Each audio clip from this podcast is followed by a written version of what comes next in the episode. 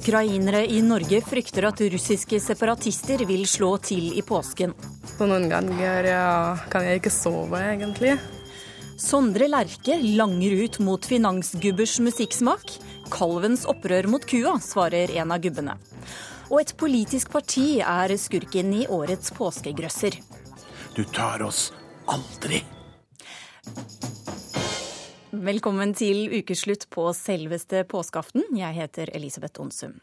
Og jakter du på kjærligheten i påsken, kan du kanskje snappe opp noen tips eh, senere her i ukeslutt. Vi sendte en av reporterne våre til fjells med grønn lue. Nei, jeg veit jo hva jeg skal tenke når du har på deg grønn lue. Nå får du en nyhetsoversikt av Marit Selmer Nedre Lid. Det har blitt mye mindre alvorlig vold i Oslo sentrum det siste året. Tallet på anmeldte voldssaker i helgene har gått ned med 35% skriver TV 2.no. Nesten halvparten av all kriminalitet i sentrum av hovedstaden skjer om natten i helgene. Seks russegutter innrømmer at de teipet fast en 17 år gammel jente til en stolpe og kastet egg på henne i Sandnes i Rogaland på onsdag. De seks er nå siktet for frihetsberøvelse og risikerer ubetinget fengsel. Selv sier de at dette er en russetradisjon som har pågått i flere år. I Sverige har en passasjerferge kollidert med en fritidsbåt i skjærgården utenfor Stockholm. Tre personer havnet i vannet da den minste båten sank, men alle tre klarte å svømme til en øy i nærheten.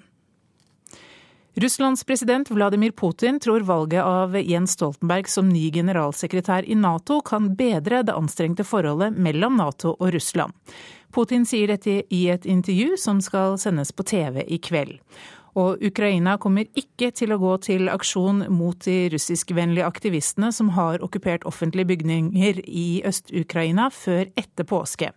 Det sier den ukrainske utenriksministeren til BBC. Utenriksministrene i Russland og Ukraina er enige om at disse aktivistene skal forlate bygningene, men aktivistene nekter å dra frivillig. Og en person er sendt til sykehus med røykskader etter en brann på et asylmottak i Kvæfjord i Troms i morges. Bygget er totalskadet. De 14 andre som bodde på mottaket blir nå tatt hånd om. Flere av dem måtte hoppe ut av vinduene for å redde seg selv. Nå fortsetter ukeslutt. For de ukrainske studentene Bogdan og Milena er denne påsken helt spesiell. For mens familiene deres skal feire påsken i Øst-Ukraina, nær grensen til Russland, frykter kjæresteparet her i Norge at separatister og prorussiske demonstranter skal utnytte påskehøytiden for å få internasjonal oppmerksomhet. Og der er Luhansk, så du ser at det er veldig, veldig, veldig Øst-Ukraina. Bogdan peker på kartet over Ukraina. Og der har det Kharkiv oblast, og Kharkiv ligger der i sentrum. Denne uka har væpnede prorussiske grupper okkupert flere offentlige bygninger i Øst-Ukraina. Det har blitt demonstrert flere steder i landet, og verdens ledere har samlet seg for å forsøke å finne en løsning på konflikten. Hjembyene til studentene Bogdan og kjæresten Milena ligger tett på den russiske grensa. Denne påsken sitter de i lesesalen i Oslo og forbereder seg til eksamen. Samtidig raser uroligheten i hjemlandet. Det gjør at de har det vanskelig for å konsentrere seg om noe annet. Og så etter den uh, februar og så alt som skjer på slutt, jeg var så nervøs at ja. Så noen ganger kan jeg ikke sove, egentlig. Bra. Eller ja, på grunn av at jeg er nervøs. De to studentene frykter for hva som kan skje i påsken, og holder tett kontakt med de der hjemme. Hallo. Nå, altså, jeg ringte mora mi, og akkurat nå så er de i sentrum. Og så jeg lurte på om hva synes de de skal gjøre i påskeferie. Og disse separatistene de pleier å arrangere noe hver helg, hver lørdag og søndag. Og påsken er jo på søndag, ikke sant. Så jeg lurte på om hva hun syntes om de separatistene skal gjøre noe på søndag eller ikke. Og hun sa at hun er helt sikker at de skal prøve på noe. Fordi de skal prøve å ødelegge den festningen, og de skal prøve å få på en måte internasjonal attention. Hei. Også for ukrainske Olga i Asker blir påsken annerledes i år. Helt klart at det som skjer nå, det ødelegger stemning. Olga holder seg oppdatert via sosiale medier og TV-kanaler på nettet. Hva er det som skjer her? Sorry, det er ingen hører ingen, de bare roper samtidig, og det blir ingen dialog der. Nei, altså hvis det ved grense står eh, mange tusen uh, russisk militære, så det er en reell trussel for at det kan starte en konflikt når som helst. Så folk kan kanskje ikke slappe av og nyte ferien. Алло, привет, Лен. Tilbake i lesesalen i Oslo skyper Milena og Bogdan med Milena sin tante og onkel i Lugansk. Og de sa om uh, at uh, egentlig alle er veldig redd for den søndag som uh, kommer, ikke sant. Og de føler at det blir noe som blod, eller at ja, det blir noen som urolig veldig. De separatistene pleier å eh, arrangere noe hver, søndag. Og den søndagen så skal det sikkert bli noe. Eller de sier mora mi sa også onkelen eh, til Milena sa det samme, så det blir nok noe som skjer. Men hva, hva tenker du om at den delen av Ukraina som dere har slektninger i, eller som dere bor i, at det kan være at da dere dro derfra, så var det Ukraina, og at det kan bli en del av Russland når du kommer tilbake etter å ha vært student i Norge? Ja, vi har diskutert det veldig mye. Ja, veldig mulig at det kan skje. En Krim er ikke en del av Ukraina nå, ikke sant? Og muligvis at det kan skje med oss også. Hva tenker du om å kanskje flytte tilbake til, til Russland? Oi, nei. Tenker ikke på det, egentlig. Jeg er veldig redd at uh, den delen hvor jeg bor, ikke sant At det blir uh, del av Russland. Det er veldig sånn Nei, jeg vil ikke. Men uh, uansett hva som skjer, så skal jeg ikke bytte uh, borgerskap og passet min. Ja, det var Magnus Bratten som hadde snakket med de ukrainske studentene. Det har foregått mystiske ting i norsk politikk. Flere politikere har forsvunnet den siste tiden, og sporene peker mot Senterpartiet. Det er tid for påskegrøsser her i Ukeslitt, signert Arne Berggren.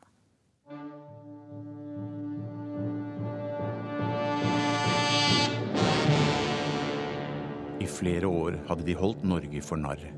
Konspirert i det skjulte mens de fremsto som konkurrenter om nasjonens gjeveste og mest prestisjetunge verv i ledelsen av Senterpartiet. Personstridene rev i stykker alt det fedrene på Eidsvoll hadde bygget opp. De var utspekulerte, systematiske, de dekket hverandre, de løy uten hemninger, og de tok livet av enhver motstander, kaldblodige mordere. Og det var makten som drev dem, prisene på korn, norsk ost og kraftfôr. Det siste slaget mot den skitne trioen sto i dag. Førstebetjent Michaelsen løftet kikkerten, skuet ned på gården, der alle spor sluttet. Der de var nå, alle tre. Han var så godt som sikker. Systematisk overvåkning hadde gjort dette mulig. Droner, telefonavlytting, triks i gråsonene. Kunne han finne de tre sammen, bevise at de faktisk samarbeidet, så var jakten på ondskapen over. Michaelsen løftet hånden, om noen sekunder så ville han gi signalet som var begynnelsen på slutten på en av de største forbryterjakter i moderne norsk historie. Han så på klokken, talte til tre inni seg, han ville nyte dette øyeblikket. Og så senket han hånden og kunne i samme øyeblikk se hvordan kjøretøyer rykket fremover mot gården, to helikoptre kom til syne på himmelen, og en liten hær av folk fra terrorpolitiet kom løpende til fots.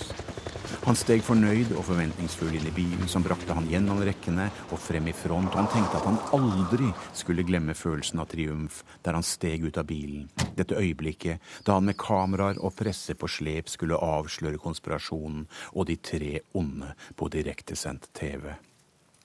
Vi hadde en positiv bekreftelse av målene for bare minutter siden, meldte operativ leder. Vi så Slagsvold Vedum i stuevinduet, også hun derre Tvinner, eller hva hun heter, hun passerte kjøkkenvinduet, og, og storfaen selv, han Ikke kall ham det, dette skal gå verdig for seg, avbrøt Michaelsen. Ja, beklager, sa politimannen og fiklet med geværet. Jeg så i hvert fall Borten Moe i vinduet på døren.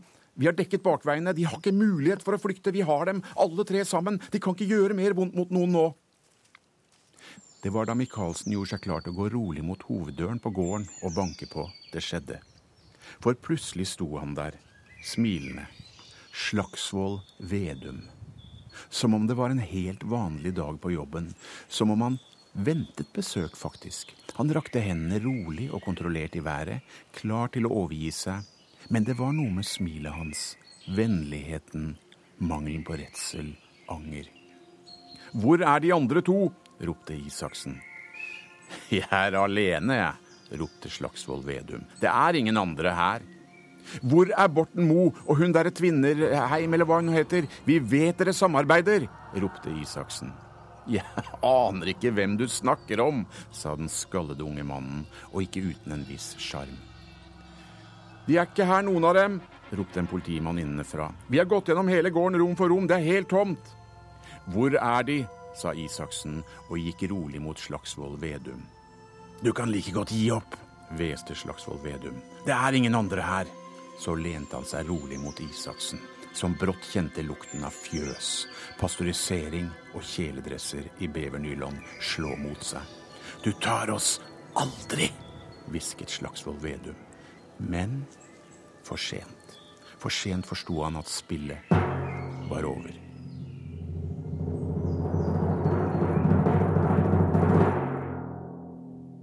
Og hvorfor eh, Slagsvold Vedum skjønte at spillet var over, får du høre senere i sendingen.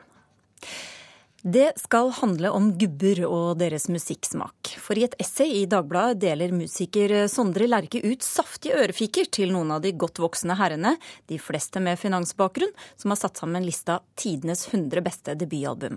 Her er en smakebit fra topp fire.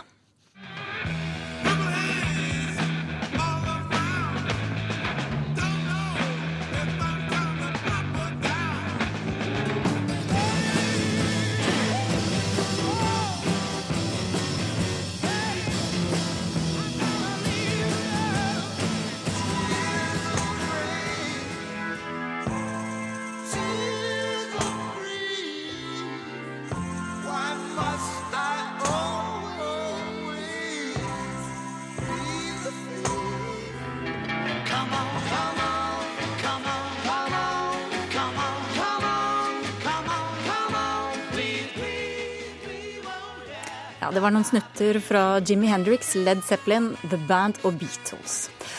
Og Torstein Selvik, du er økonom og var også juryleder for de som har satt sammen denne lista i Dagens Næringsliv. Ifølge Sondre Lerche er du en hvitsnipp-hobbyrocker. Hva syns du om en eh, sånn merkelapp?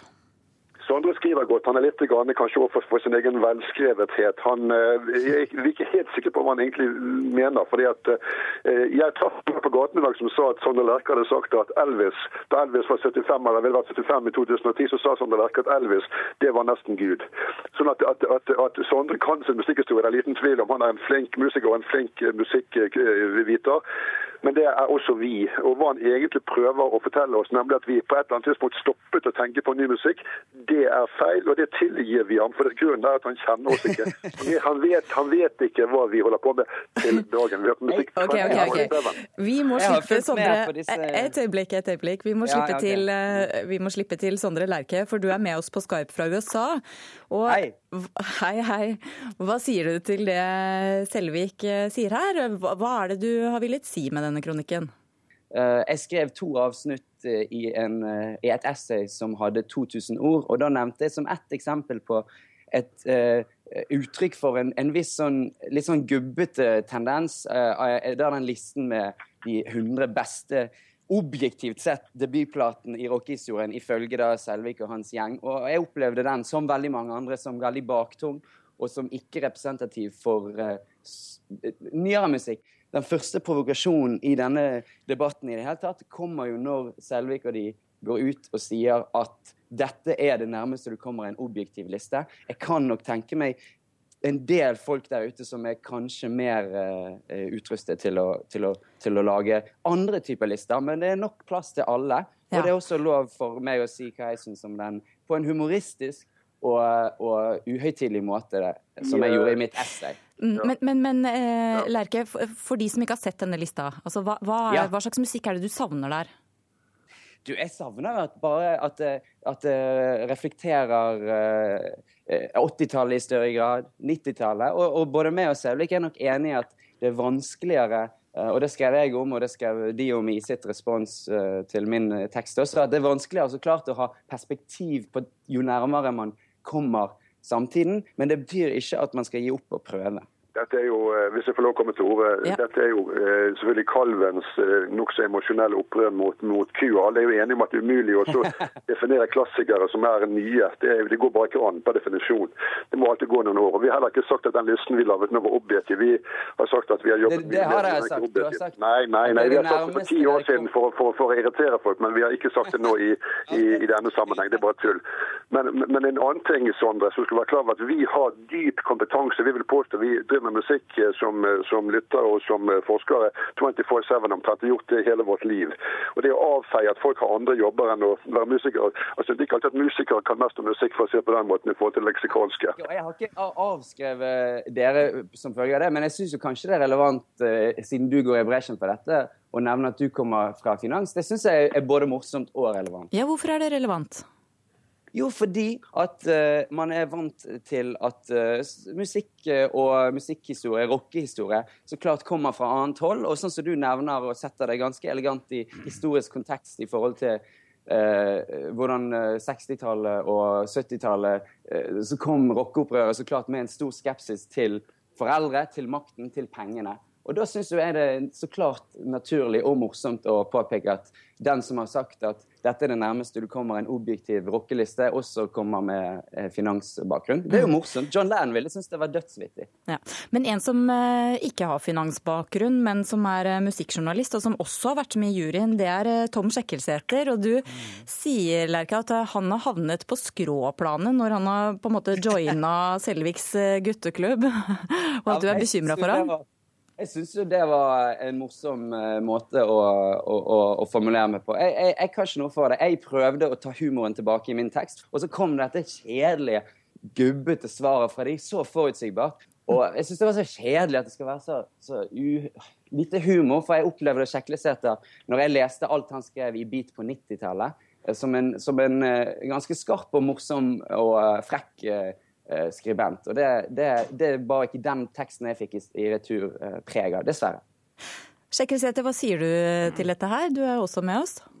Du tror, fordi at du kjenner til Torsteins uh, yrkesbakgrunn, at alle disse folka her sånn bare er finansfolk. Men det er, det er folk med i denne juryen som har uh, tung musikkjournalistbakgrunn. Og det som jeg har erfart når jeg har vært med på det her, sånn, er at jeg har virkelig blitt forbløffa over dybden i kunnskapen til disse um, kapitalistene og økonomene. Så det, det, du, du, du, uttaler deg om ting du rett og slett ikke vet noe særlig om. og det Beklager å måtte si det, men jeg, drivkraften i min musikkinteresse er fortsatt nysgjerrighet. Altså jeg er minst like opptatt av det nye um, som det jeg tror du er. og og det, når, du, når, du, da til og med går så langt som til å si at det, det er ikke en rettighet jeg skal kunne ha, uh, at jeg, jeg, må gi meg at det er Hva er det du sier for noe? Når har jeg sagt det? Jeg synes, du, du, hevder jo at det, det latterligste i verden er hva er det du sier for noe? Voksne, selverklærte musikkelskere aldri gjør lurt i å prøve å late som de følger med? Jo, her, her skal du høre, Tom.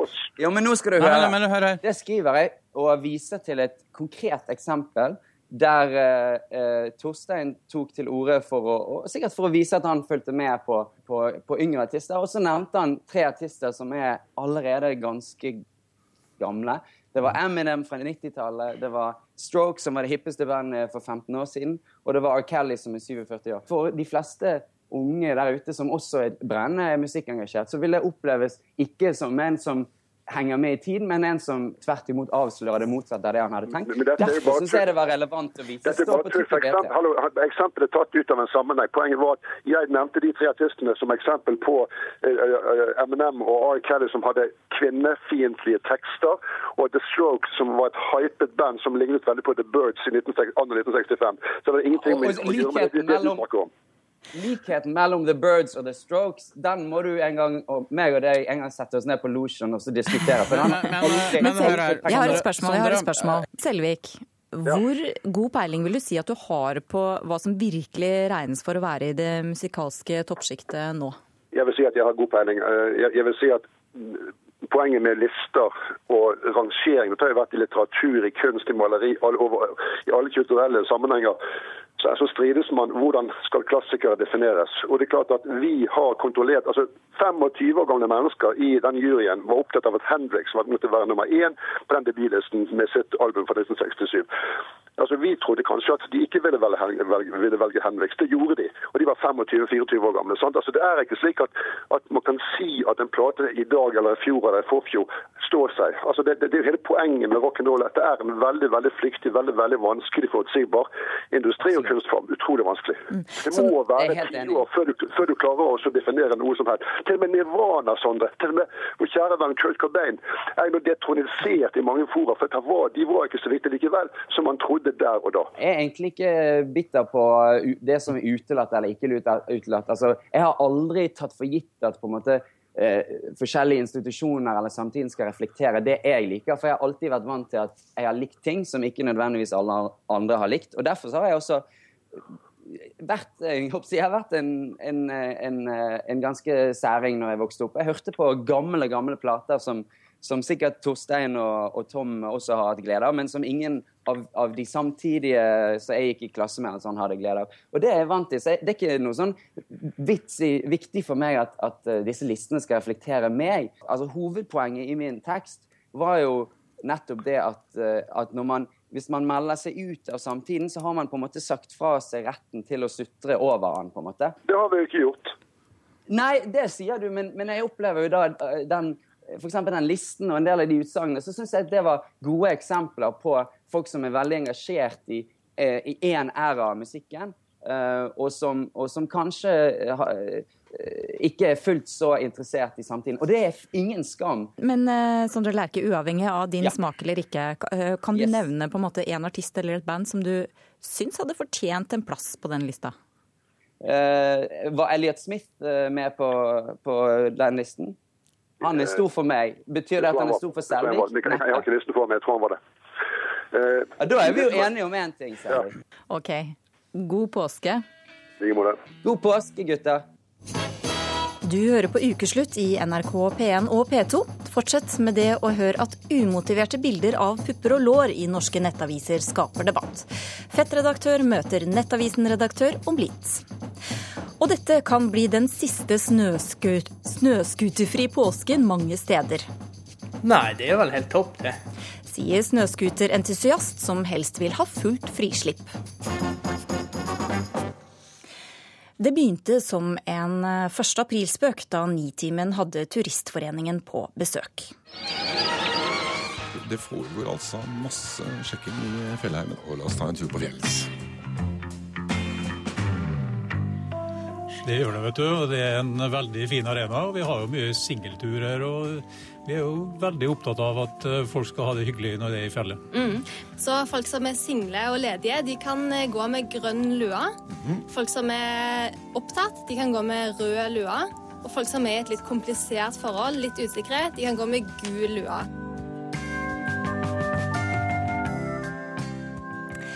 Men ideen var så god at Turistforeningen denne uka oppfordret påsketuristene til luesjekking i fjellet.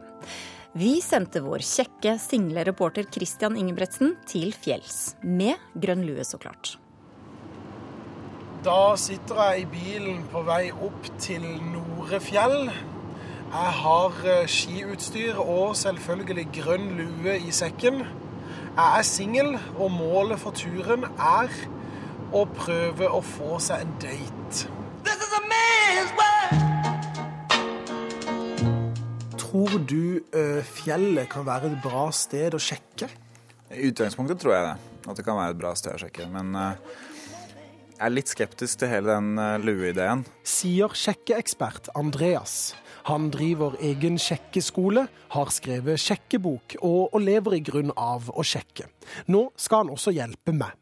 Ja, vi kan ta utgangspunkt i fjellvettreglene.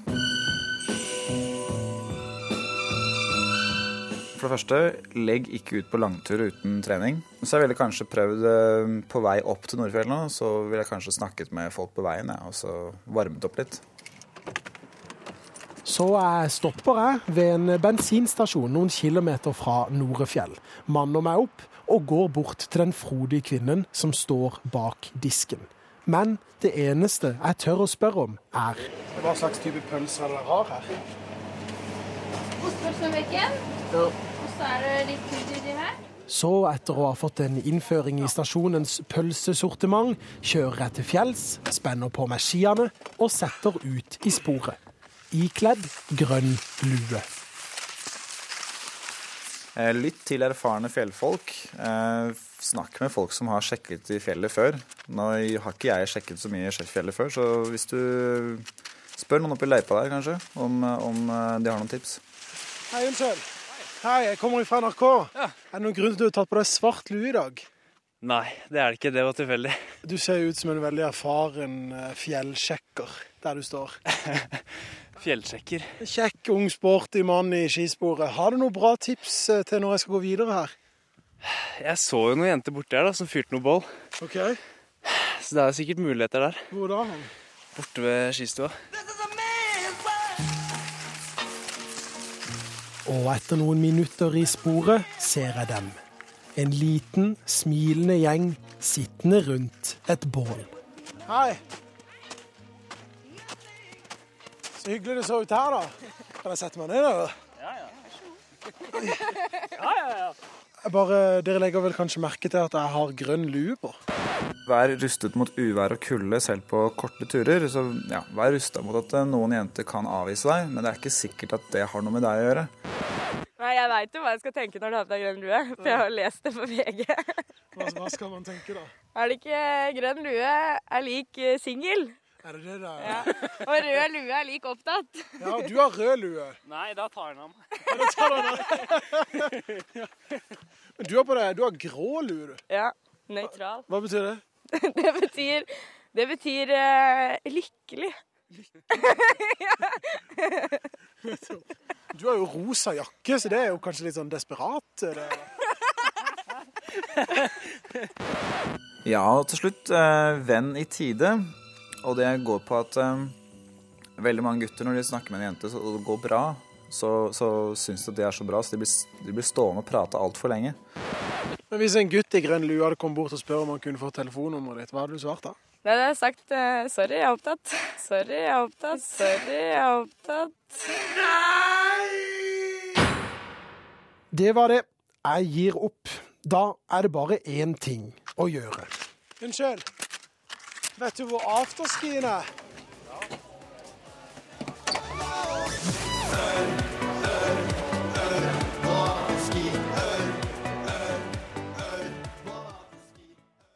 Pupper og lår har lite å gjøre i norske nettaviser, mener redaktøren av magasinet Fett. Pressens etiske regelverk, Vær varsom-plakaten, bør skrives om for å, eh, for å beskytte kvinnekroppen. Det skriver du i en kronikk i Dagbladet, redaktør i Fett, Hilde Sofie Pettersen. Først, hva slags bilder eh, er det du vil ha bort? Eh, Ja, nå er jo det ikke sånn at jeg nødvendigvis vil ha bort alle bilder av eh, pupper og lår, eh, men jeg vil ha bort bilder som brukes i en sammenheng hvor de ikke hører hjemme. Altså Hvis man skriver om brystkreft, så for all del eh, bruk et eh, bilde av et bryst. Eh, Men når man skriver om flått, eller når man skriver om at man kanskje får penger igjen på skatten, eller hva det er som overhodet ikke har noe med nakenhet å gjøre, så mener jeg at man ikke bør bruke bilder av eh, nakne kvinnekropper. Mm. Og du mener det er behov for å skrive om retningslinjene i Vær varsom-plakaten. Hvordan bør de være helt konkret? Eh, Jeg mener at man bør få inn en formulering der som sier at man ikke skal bruke avkledde kropper som vilkårlige illustrasjonsbilder. Redaktør i Nettavisen Gunnar Stavrum, er det et godt forslag å skrive om Vær varsom-plakaten på denne måten som blir foreslått her?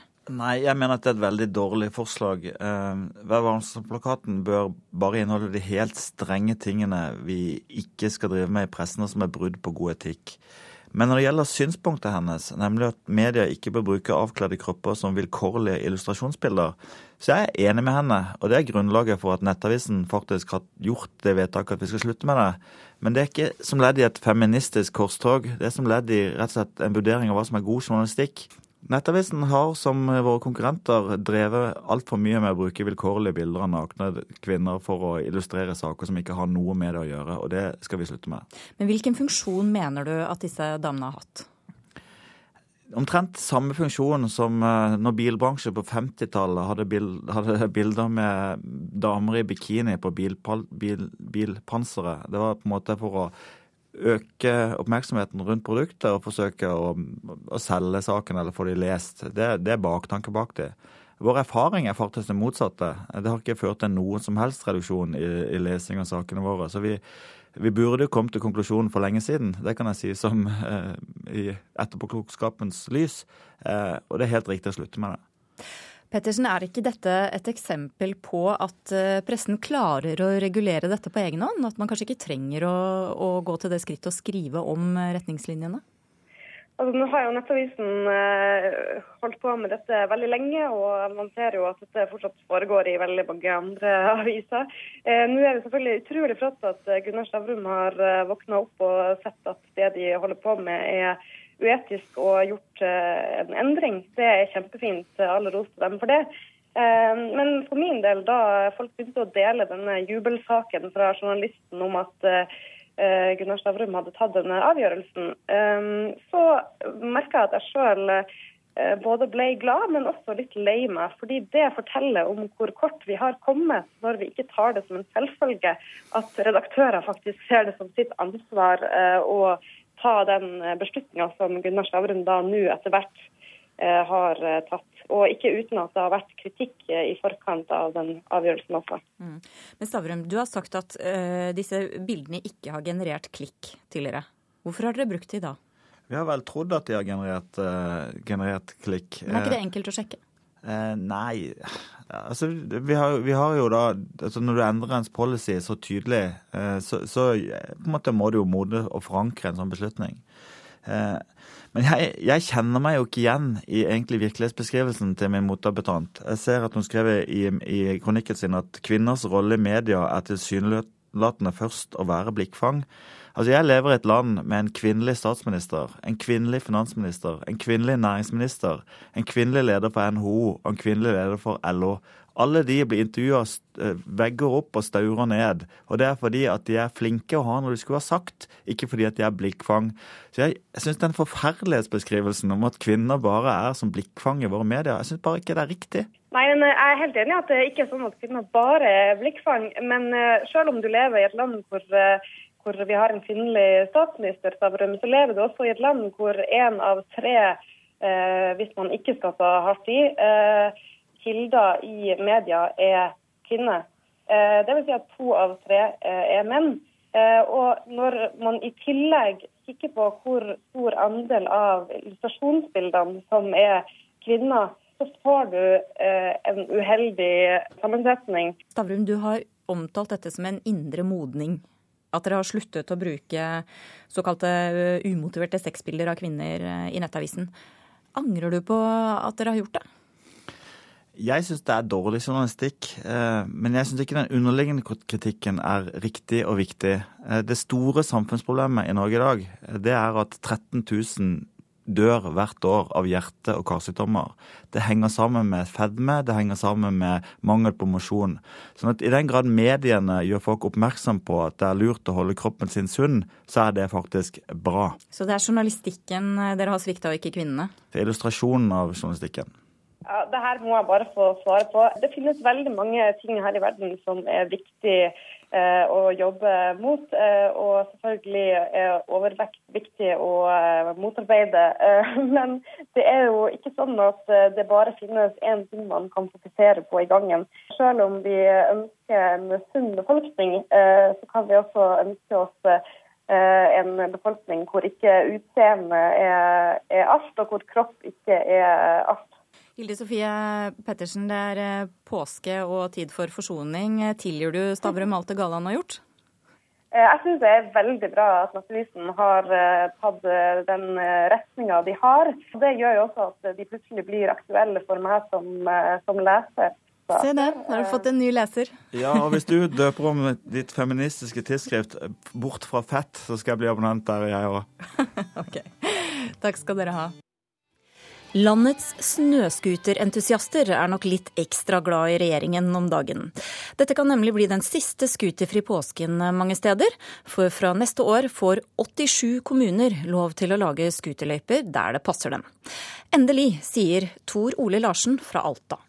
Det at du kommer deg opp, til fjells og ut i naturen uten å jeg, bruke, bruke og av krefter. Og, ja, du kommer, det er en lettere måte å komme seg ut. Tor Ole Larsen fra Alta drar handa kjærlig over den oransje og svarte snøscooteren. Scooteren står klar på tilhengeren. Nå gjenstår pakkinga av alt det andre før påsketuren med familien. Det må være en frihetsfølelse. Det er sånn eh, du, egentlig, Jeg jeg glemmer alt, i hvert når jeg kjører alene. Da er det sånn at eh, da setter du alt ifra deg, og da er det. Da er du fri. Hadde det ikke vært for snøscooteren, hadde han flytta fra Alta.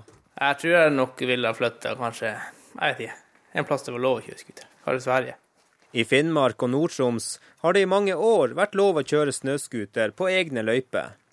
Nå følger resten av Norge på, etter at regjeringa nettopp gikk inn for en forsøksordning med snøscooterkjøring i 87 kommuner over hele landet. Det er på tide, syns Tor Ole. Helst skulle han sett at Norge gjorde som Sverige, med frikjøring. Nei, det er vel helt topp, det. Er ikke det? At alle får lov å bruke det kjøretøyet på lik linje som de fleste kommuner får lov Eller alle kommuner får lov å bruke båt om sommeren. Så vil jo jeg si at det er på sin plass at de også får lov å, gjøre det. I Sverige er det satt av områder for frikjøring. Der har Tor Ole vært mange ganger, med full gass.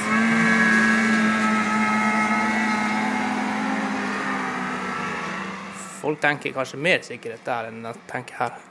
For her trenger de å De som kjører ulovlig her i landet, de må ha lovens lange arm i bakhodet hele tida. Og de har kanskje ikke tid å tenke så mye sikkerhet. Men hos naturvernere tas ikke regjeringas påskehilsen imot med glede.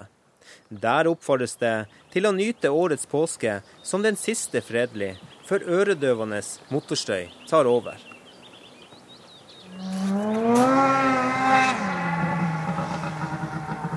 Miriam Akuche er nyvalgt leder i Grønn Ungdom i Finnmark.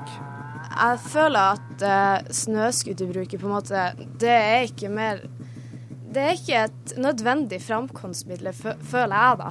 Uh, det er på en måte blitt til et leketøy. Hun vil ikke ha mer frikjøring som i Sverige. Hun vil heller at folk går på ski.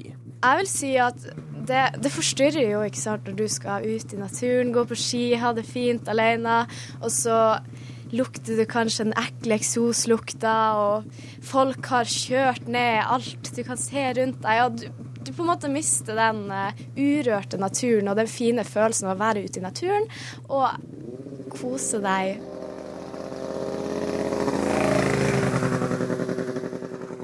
Reporter var Robin Mortensen.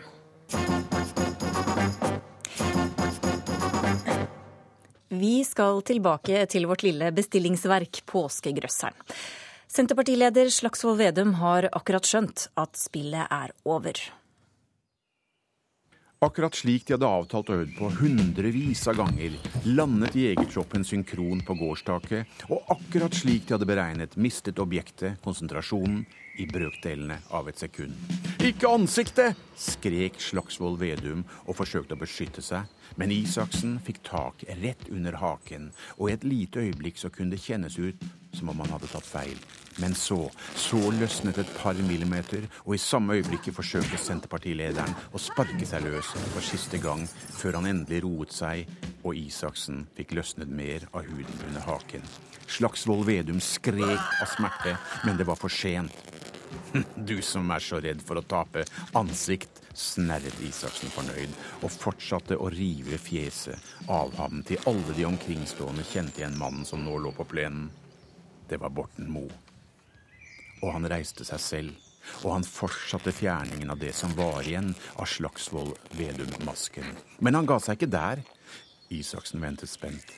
Et nytt ansikt, en kvinneskikkelse, kom til syne i Borten Moes hudlag. Ingen husket etternavnet hennes, men det var virkelig henne.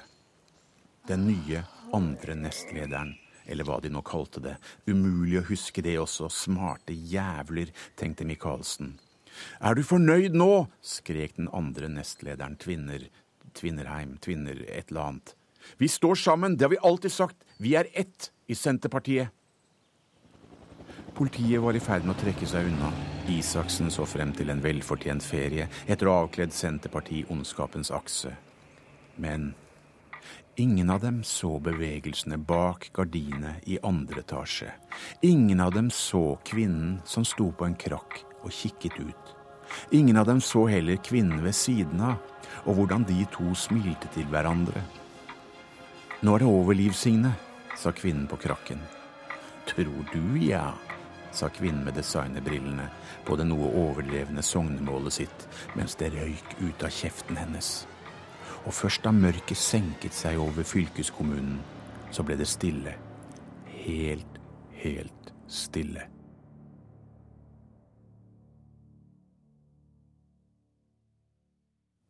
Ja, Det var Arne Berggren som hadde skrevet denne påskegrøsseren, og han leste også selv. Helgar Torgvær hadde lydlagt historien. Nå er det tid for et værvarsel, statsmeteorolog Christian Gislefoss. Og for noen dager siden så ble fire personer tatt av snøskred. Hva kan du si om skredfaren rundt omkring i landet nå? Eh, akkurat nå så er den eh, størst i Nord-Norge. Her er det betydelig snøskredfare. Og det gjelder nå i dag, men så blir den eh, moderat i morgen. Og for Sør-Norge sin del så er det moderat snøskredfare stort sett overalt. og så det, det, anbefaler liksom folk å ta sine forhåndsregler. Vær forsiktig altså ute i terrenget. Og så kan man også sjekke varsom.no, som Der finner du informasjon om snøskred, rett og slett. altså. Så vi kan jo gå på hvordan været blir i dag og i morgen. Og det, det blir stigende temperatur i Finnmark nå i dag. I morgen på Spitsbergen, mens eh, resten av landet her blir det små endringer. Litt høyere temperatur stedvis. Så har vi værvarsel som gjelder til midnatt eh, søndag. Fjell i Sør-Norge. Her blir det skiftende bris eh, søndag. Sørøstlig periodevis frisk bris utsatte steder. Pent vær, men i dag noe mer skyer nord for Filefjellet. Østafjells skiftende bris, stort sett pent vær. Søndag ettermiddag forbigående noe mer skyet øst for Oslofjorden og lokal morgentåke. Rogaland og Hordaland skiftende bris, pent vær, men søndag uttrykk for tåke på kysten. Sogn og Fjordane sørlig frisk bris på kysten, ved Stad sørvest stiv kuling, oppholdsvær. Søndag skiftende bris, uttrykk for tåke på kysten, ellers pent vær. Møre og Romsdal og Trøndelag, her minker vinden til sørvestlig frisk bris i kveld. Det blir regn, snø i fjellet. Søndagsskiftende bris, oppholdsvær, pent vær i sør. Men utover eh, morgen ettermiddag uttrykk for tåke. Nordland minkning til vestlig liten kuling, frisk bris i sør. Regnbyger. Lokalt mye nedbør på Helgeland. Søndag skiftende bris og etter hvert oppholdsvær. Troms sørvest sterk kuling utsatte steder. I kveld liten storm utsatte steder i nord. Regnbyger. Fra natt til søndag vestlig stiv kuling utsatte steder. Sluddbyger. Senere vestlig bris og oppholdsvær. Finnmark sørvest sterk kuling utsatte steder. Fra i kveld liten storm i vest, snøbyger, regnbyger på kysten, lite nedbør i øst og sør. Søndag vestlig frisk bris og snøbyger. Nordensjøland på Spitsbergen, her blir det nordvestlig bris, liten kuling på kysten i vest. Enkelte snøbyger eh, i dag og i morgen, men eh, perioder med pent vær i dag. Og dette var alt fra Meteorologisk institutt. Og dette var eh, denne ukas Ukeslutt. Du kan eh, laste ned Ukeslutt som podkast, eller høre oss på nettspilleren på nrk.no. Ansvarlig for eh, sendingen var Gry Veiby, teknisk ansvarlig Frode Thorshaug, skript Bente Alice Westgård, og jeg heter Elisabeth Onsum.